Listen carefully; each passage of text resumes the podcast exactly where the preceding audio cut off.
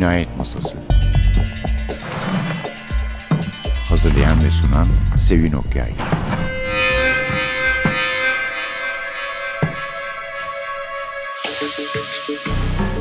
Merhaba. NTV Radyo'nun Cinayet Masası programına hoş geldiniz. Bir konuğumuz var bugün.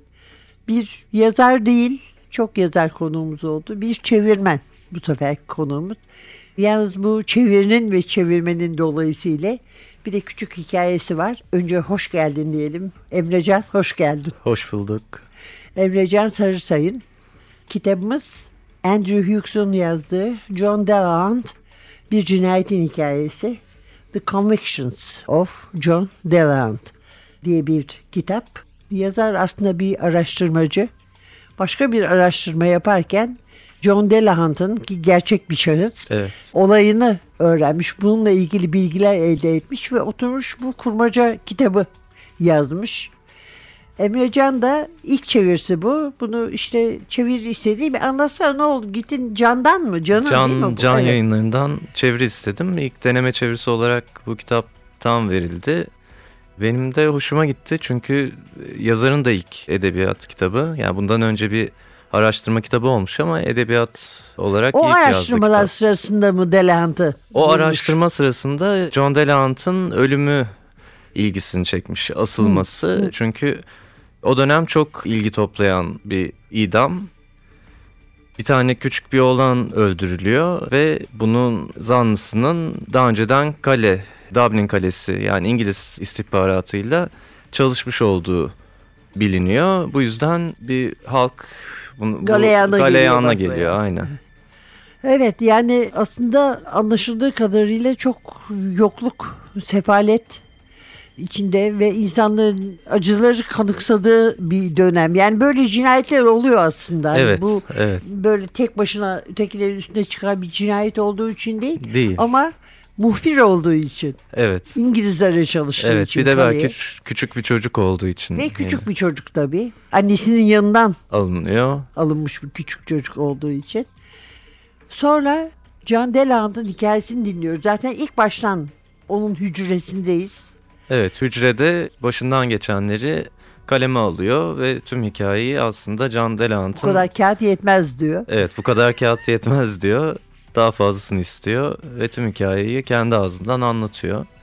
İlginç bir karakter çünkü yani tüm olayın gelişimi onun nasıl bu cinayetleri işleyip başkalarının üzerine attığı ve bundan Bir cinayetten mahkum oluyor sadece. bir cinayetten mahkum Ama oluyor. var yani başka Ama başka cinayetler. bu süreçte var. Ve her birindeki koşullar, hayatının gidişatı bir üniversite öğrencisi aslında.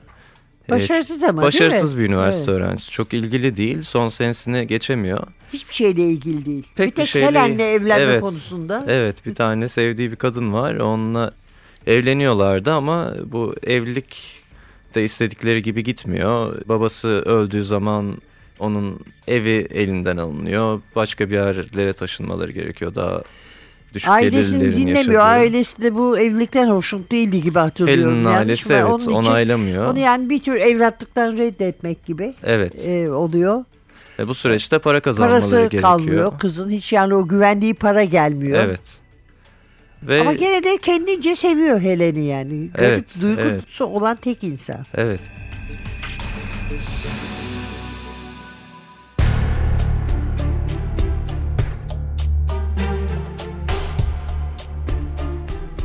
Önüne düşüp mutfağa giderken cesedin orada olmayabileceğine dair berbat bir korku kapladı içimi. Adamın canlanıp ayaklandığına, kudurmuş bir halde ve yatıştırılamaz öfkesiyle bir köşeye saklandığına dair bir korku. Ama bıraktığım gibiydi. Döşeme taşlarının ortasında sırt üstü yatmış, kolları buraya taşınırkenki gibi iki yana uzanmış. Devülü omzumun üzerinden dikkatle ona baktı. Öleli ne kadar oldu demiştin? Neredeyse iki saat olmuştu. O zaman adam katılaşmaya başlamadan kollarını kapat. Cesedin başına geçtim ve kollarını iterek bedenine yaklaştırdım. Develüğü çömelip mumu adamın yüzüne tuttu. Bir ayindeymişiz gibi cesedin üzerinde boylu boyunca gezdirdi. Kafasının üstündeki yumruğuyla ağzının ve burnunun çevresine yayılmış sıvıyı gösterdi. Yine de dedi sanki karşılıklı konuşuyormuşuz gibi yaralarını bir şekilde açıklamamız gerekecek. Çantasını mutfak masasına getirdi. Önce katlanmış bir çuval ve bir parça ip çıkarıp cesedin yanına attı. Sonra da kalemi, hokkayı ve matbu formu. Her şey sırasıyla. Ona nasıl hitap etmek istersin? Gerçek ismini bulmak çok zor olmaz herhalde. Deverü adamın yüzüne dikkatle baktı. Bence bunda Kenny tipi var. Kağıda yazdı ve yastığı ustalıkla kullananın şerefine soyadına da John diyelim. Yazdığı formu görebilmek için arkasına geçtim. Güney Dublin Birliği Düşkünler Evi'nin ölüm belgesiydi. Deverü adama bir yaş ve doğum yeri uydurmakla meşguldü. Ölüm nedeni yazan kısımda duraksadı. Çoğu vakada cevap tek kelimeyle tifo ya da kızıl olurdu. Kalemi çenesine değdirdi, yoldan geçen bir arabanın kafasına çarptığını, sonra da derin bir su birikintisinde boğulduğunu yazabiliriz. Şöminenin yanındaki büyük tahta bulaşık küvetini gösterdi. Kellesini yarım saat boyunca suya batırırsak daha gerçekçi olur. Feci bir susuzlukla küvetin başında dizlerinin üstünde çömelmiş, kafası suyun içinde hayal ettim cesedi. Ancak develü durup yeniden düşündü. Gerçi akciğerlerine de su doğması gerekirdi.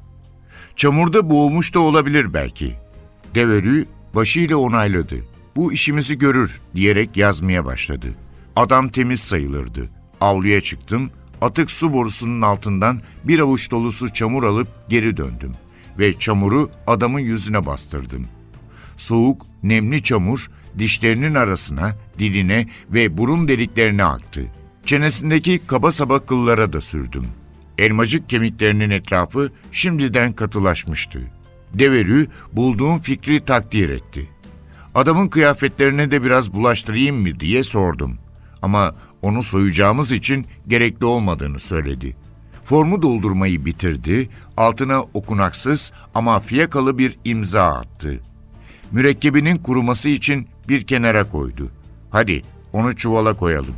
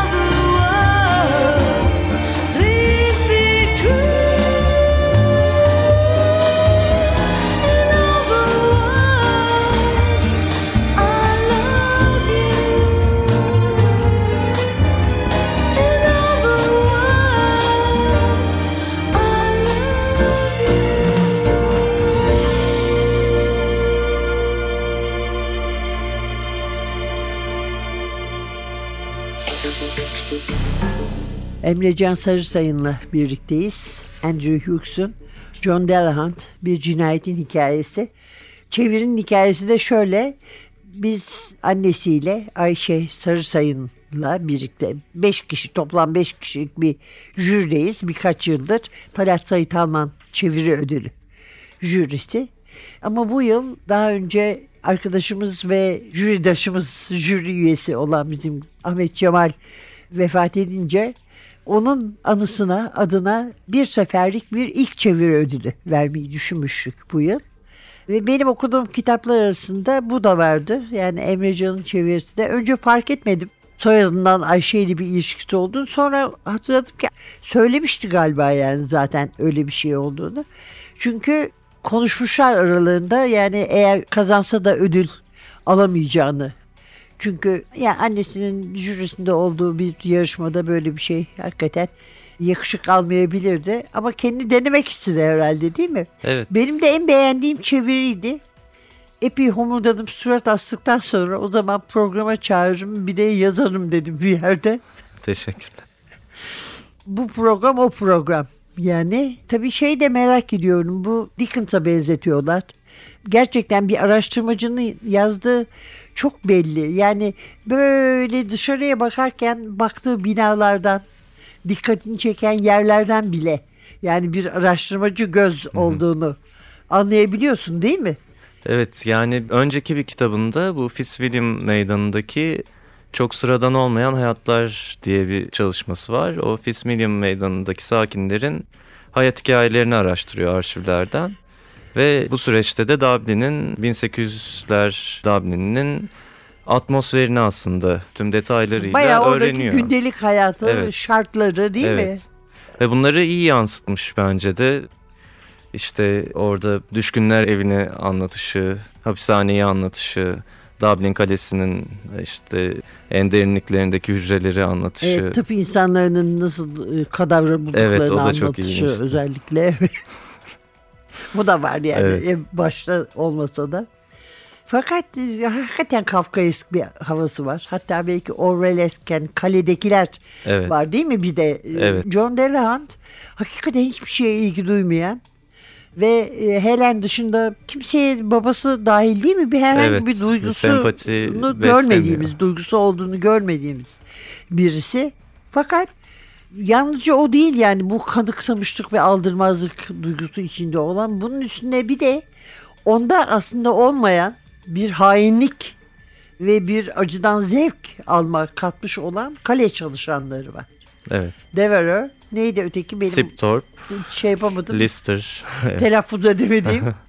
Gerçekten korku kitabı gibi ya. Böyle bir kasvet var. Kore çok iyi yazılmış ama özellikle diyorum ki polisiyeden de öte tarihi roman sevenlerin de çok Evet. çekecek.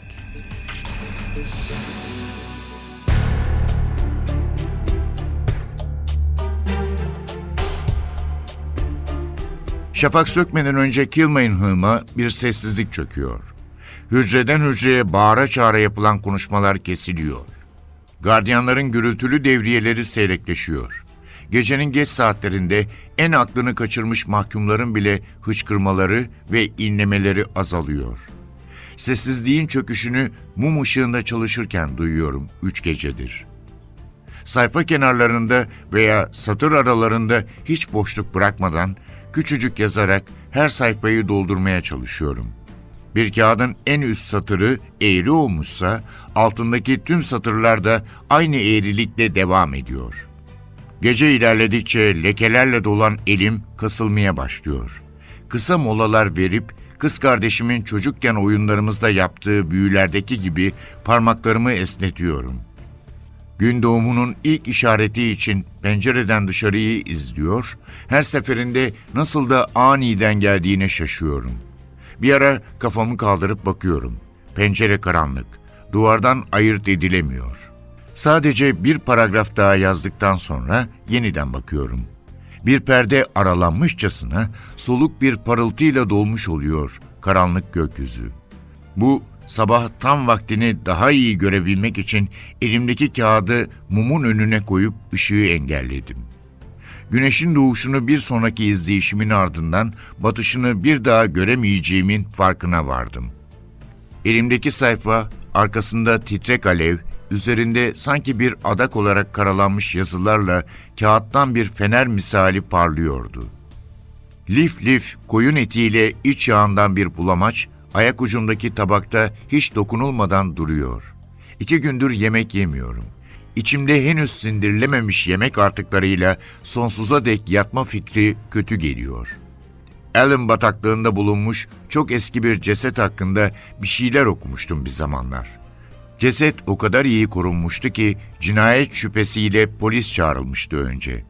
Bataklıktan çıkan cesedi görenler çenesindeki kısa sakala, bronz tenindeki gözeneklere ve tırnaklarındaki çatlaklara hayret etmişlerdi.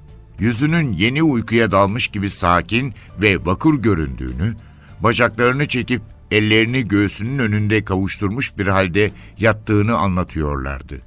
Dublin'e getirildiğinde bir antik çağ uzmanı, demir çağında nasıl beslenildiğini araştırmak üzere adamın karnını açmıştı. Benim içimde hiçbir şey bulamayacaklar.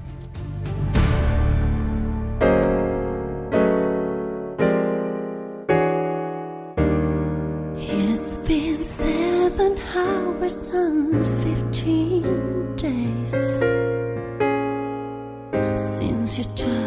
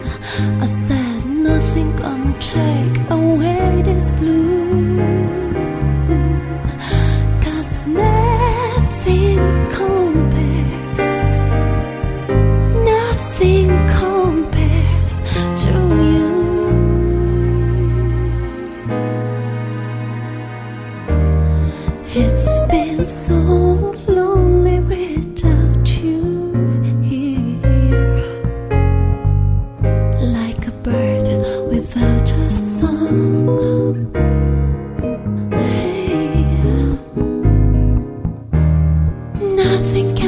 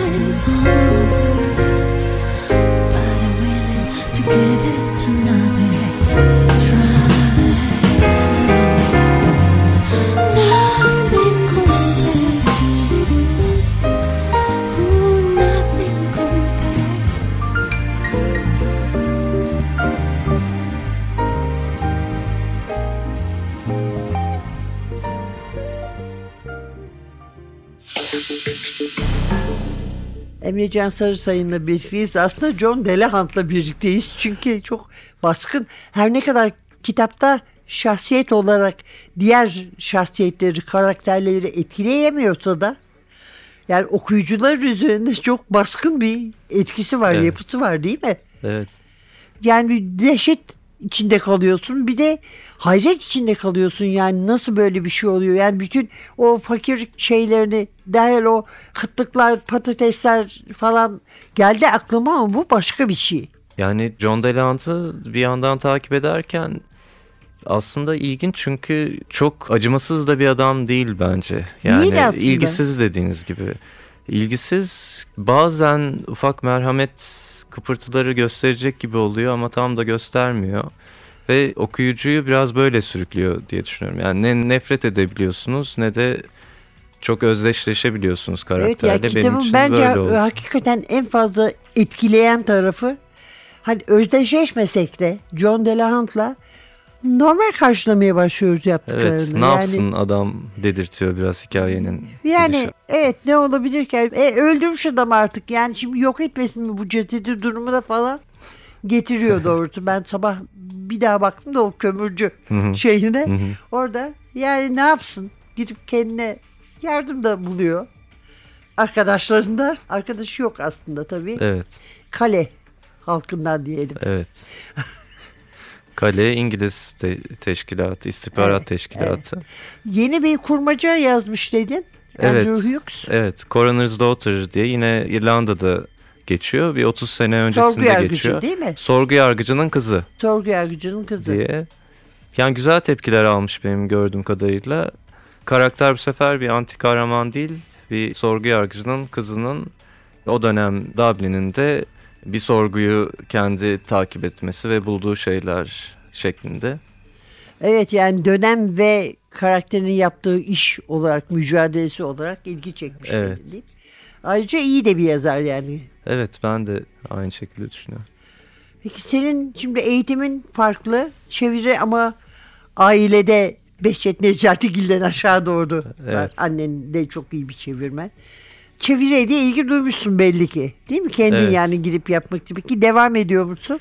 Yani şu an devam etmiyorum ama devam etmeyi düşünüyorum. Çok keyif aldım çünkü. Yani ya o özellikle bazı Türkçe deyişleri bulmak, onu araştırmak, düşünmek. Bulmaca o- gibidir. Bulmaca gibi. Evet çok keyifli o. Ben de çok severim. Yani hem çok yorar hem de bulunca bir şey yerine oturmuş Evet. olur yani. Evet. Adeta Tetris gibi. Evet. Evet demek ki yeni kitabı da alıp bir göz atmakta fayda var. Aslında ben o Delahant hikayesini, notlarını, kayıtlarını bulduğu araştırma kitabını da çok merak ediyorum. Buluyordur belki. Orada sanırım Delahant'ın karakteriyle ilgili çok fazla detay yok ama Olmasın başka ben birine meydanı Ha. oraları Evet, onları anlatıyor. araştırmayı merak ediyorum. Çünkü bir tarafını öğrendiğimize göre eksik tarafı kalmasın o zamanki Dublin'in hepsini öğrenmiş olalım diye. Evet. Emre çok teşekkür ederim. Ben de çok Ee, teşekkür ederim. Programımıza konuk olduğun için. Bu da belki bir kapı açmış olur. Bundan sonra çevirmenleri de çağırırız programımıza. Çünkü en yakından kitabı onlar biliyor sonuçta. Doğru. Çok teşekkürler. Ben de çok teşekkür ederim. Bugünlük de bu kadar. Önümüzdeki hafta başka bir kitapla, başka bir yazarla yeniden birlikte olmak umuduyla. Mikrofonda Sevin, masada Atilla. Hepinize yani kasvetli demeyeyim şimdi kitabın havasına girip de heyecanlı diyelim gene her zamanki gibi heyecanlı günler diler. Hoşçakalın.